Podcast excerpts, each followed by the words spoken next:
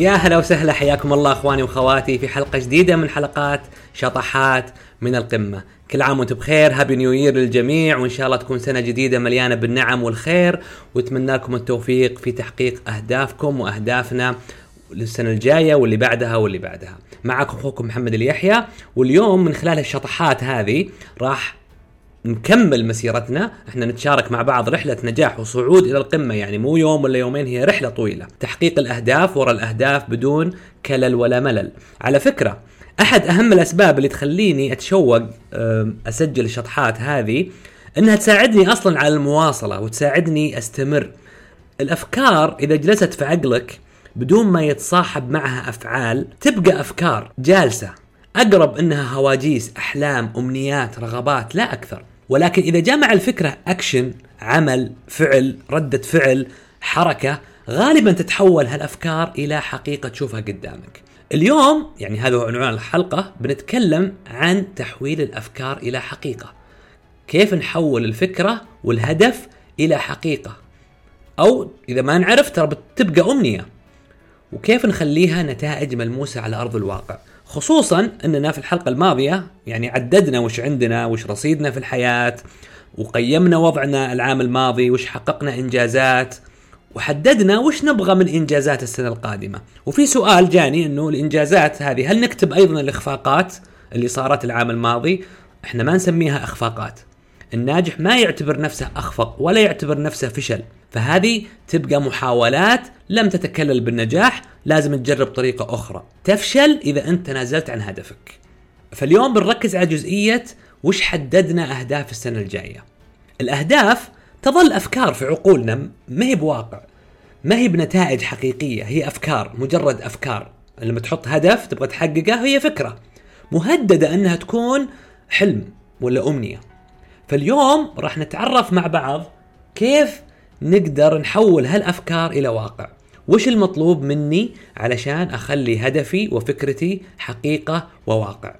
البعض بيقول نبذل جهد أكبر ونبذل أقصى جهد ممكن.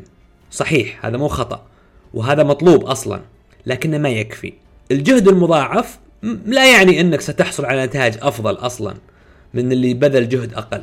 ولا كان العمال اللي في الشارع هم أغنى ناس؟ اللي يحفر واللي يكسر واللي ينظف والناس اللي يتعبون تحت الشمس وفي البرد يشتغلون كان المفروض هم اغنى أغنى ناس لأنهم أكثر ناس يبذلون جهد. فالجهد الحاله ما يكفي. البعض يقول طيب نشتغل بذكاء. أنا أشتغل بذكاء أنا ما أشتغل بجهد ما يحتاج أتعب نفسي.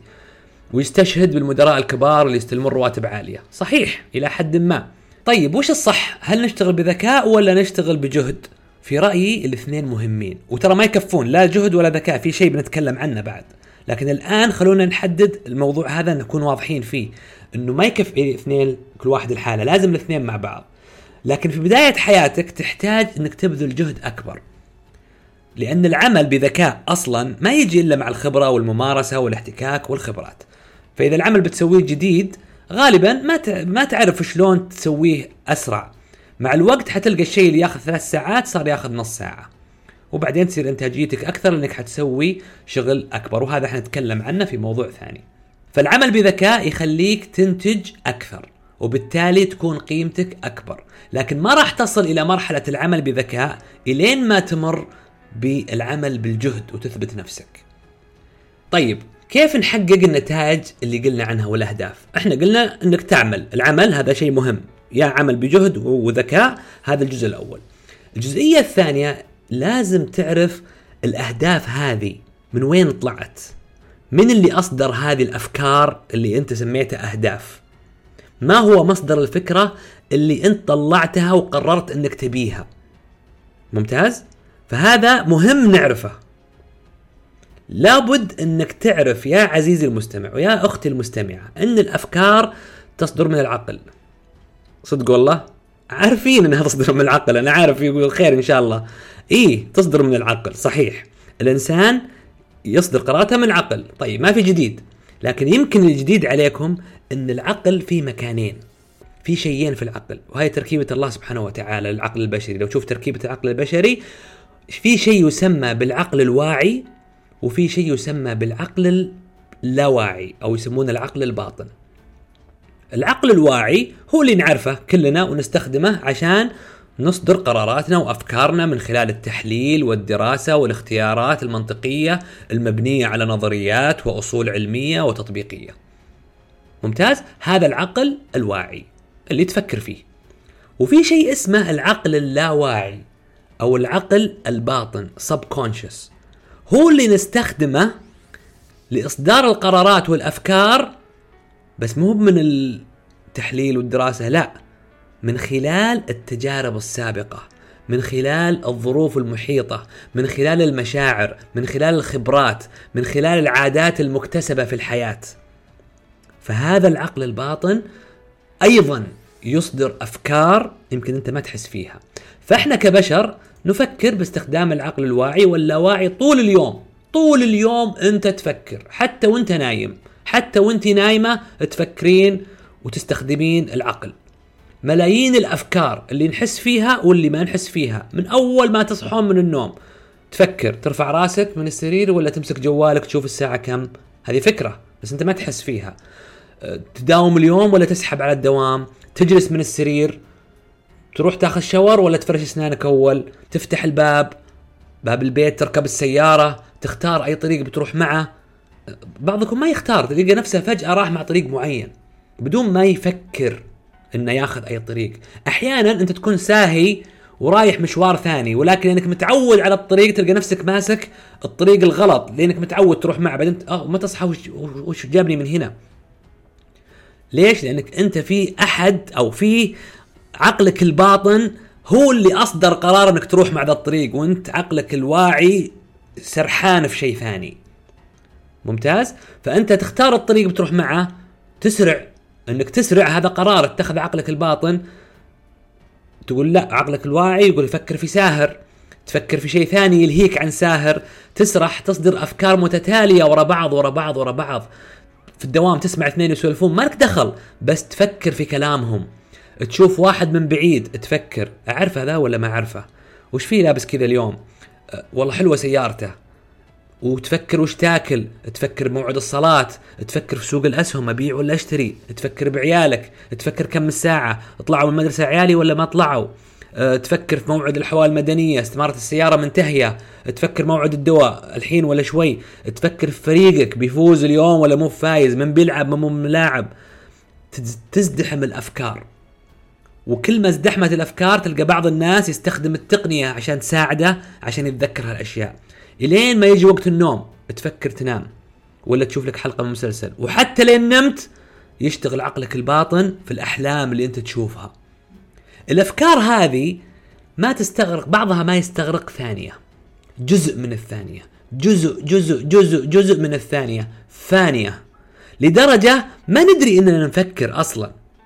عمرك فكرت يوم إنك ودك تحك راسك؟ في واحد قال أنا بحك راسي. لا. فجأة كذا يدك طلعت وحكيت رأسك. عمرك فكرت يوم ترمش تقول الحين برمش لا ماني برامش بوقف. لا هذه لا إرادية انت ترمش. تبون أصدمكم معلومة؟ 90% من الأفكار اللي نفكر فيها تصدر من العقل اللاواعي من العقل الباطن. 90% وهذه معلومة ما هي برأيي معلومة.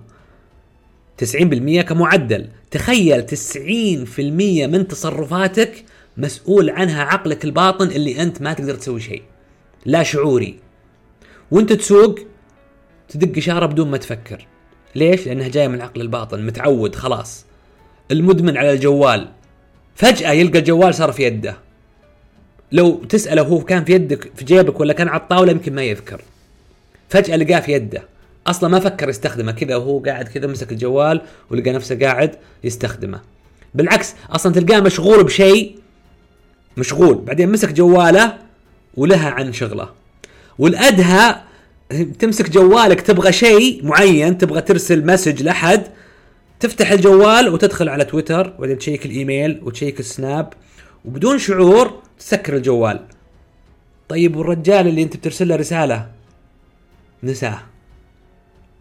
يعني العقل الباطن أقوى من العقل الواعي.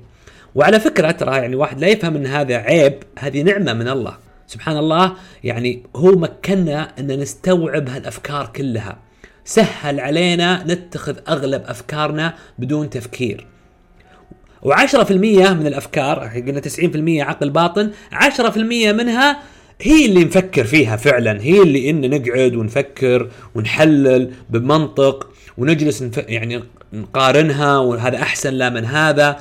والأفكار الحماسية مثلا مثل بداية السنة إحنا الحين 2020 يجيك واحد أنا قررت أسوي كذا وبسوي كذا، السنة هذه قررت أبطل الدخان، السنة هذه قررت أحافظ على الصلاة جماعة، السنة هذه بقرأ صفحة من القرآن كل يوم على الأقل، ما راح أكثر عشان ما تعب نفسي، ليش؟ منطقي، لأنه عارف إنه لو تعب نفسه يمكن يمل، فهو يفكر. قرر إنه يسجل في نادي وانتظم في الرياضة. ومن الحماس يعني بالمنطق يقول أنا بدفع حق سنة كاملة علشان ما اتكاسل. منطق. بس في الأخير لا بطل دخان ولا حافظ على الصلاة ولا قرأ قرآن إلا في رمضان ولا سجل وسجل في النادي دفع فلوس ولا راح الا يومين مع إنه متحمس وكل القرارات اللي سواها قرارات منطقية. تخيل هالقرارات. هذه القرارات اللي تو قلناها اللي انت تفكر عشان تسويها 10% من حياتك. من اللي انت يعني صدق تسويه يعني 10% فقط. والعقل الباطن عن 90% العقل الباطن يصدر الأفكار اللي تتعود عليها. فالعادة رقم واحد. الأفكار اللي ترتاح لها نفسك. إحساس شعور عاطفة ترتاح للفكرة. يعني اللي يدخن لأنه يرتاح للتدخين. ومتعود على التدخين. الأفكار الثالثة الأفكار اللي اكتسبتها من خلال تربيتك والمجتمع اللي حولك. اللي حولك قالوا لك أن الأغنياء شرسين مو شرسين الأغنياء جشعين وطماعين وما خلوا للفقراء شيء. هذه فكرة مزروعة جوا عندك في داخلك. فلما تشوف واحد غني كذا تلقائيا تقول هذا من هو سارق؟ ليش؟ لأن الفكرة مزروعة في داخلك. فأنت صدرت الفكرة هذه من العقل الباطن. المشاعر السلبية والمشاعر الإيجابية. إذا أنت إيجابي اليوم تلقى نفسك تسوي أشياء ما تسويها في أيام ثانية وأنت سلبي. فأربع أشياء هي اللي تخلي العقل الباطن يصدر الأفكار. التعود الراحة النفسية اللي هو الشعور والإحساس والأفكار اللي اكتسبتها من تربيتك والمجتمع اللي حولك والمشاعر السلبية والمشاعر الإيجابية. أربع أشياء. فعشان كذا العقل الباطن أقوى ودائما يتغلب على العقل الواعي. إحنا البشر نتخذ قراراتنا عاطفيا من العقل الباطن ونبررها منطقيا بالعقل الواعي. مثلا المتداولين اللي في السوق الأسهم غير مدربين على الإدارة النفسية والذهنية. إذا جاي يشتري سهم مثلا في السوق أو يكتتب تلقونه يفكر ويقرر ويدرس ويكتب ويحلل ويحسب وبطلع بالسعر الفلاني وبدخل بالسعر الفلاني و... بس إذا شرى فعليا ودخل للصفقة خلاص الآن يتخذ القرارات عاطفيا بداعي الخوف والطمع والندم والاستعجال والتمني والحزن والفرح. هذه اللي تخليه يبيع اللي اشتراه. فقراره غالبا مبني على العاطفة وليس مبني على ال... ال... عنده إحساس إن السهم بيطلع مثلا. ممتاز؟ هذا حتى إذا شرى عاطفيا فهو يشتري عاطفيا لأن عنده إحساس إن السهم بيطلع بدون تحليل مقهور من السهم. فهذه القرارات اللي يتخذونها الناس إذا كانوا ما يفكرون. فإحنا نتخذ القرارات أصلا عاطفيا ونبررها منطقيا. طيب أهدافنا هذه وش دخل هذه العقل الباطن في أهدافنا؟ لابد إن أهدافك لما تصدرها تصدرها من عقلك الباطن. في البداية هي بتكون من عقلك الواعي. لكن إذا ما كانت الأهداف هذه موجودة في عقلك الباطن فتصرفاتك خلال السنة القادمة كلها ما راح تنعكس على الهدف. يعني مثلا إذا أنت هدفك أنك تشتغل بجد السنة هذه وكذا. حماس عقل الواعي. لكن إذا ما عودت نفسك على ذا الشيء وما صار تقوم من النوم متحمس أنك تسوي هالشيء لو ما تسوي الشيء ذا يمكن تمرض. اذا ما راح توصل للهدف. فلازم نخزن أفكارنا وأهدافنا في العقل الباطن. وهذا اللي راح يكون درسنا في الحلقة القادمة. فجواب السؤال كيف نحول الفكرة والهدف إلى حقيقة؟ إن تصرفاتنا وقراراتنا القادمة تكون تخدم هذا الهدف وتصدر من العقل الباطن.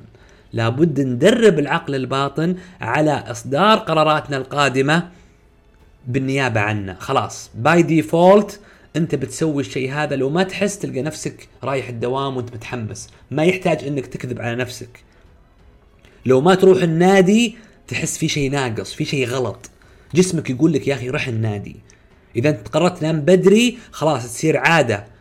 وفي الحلقة القادمة زي ما قلنا راح نعرف كيف نخزن الأفكار في العقل الباطن.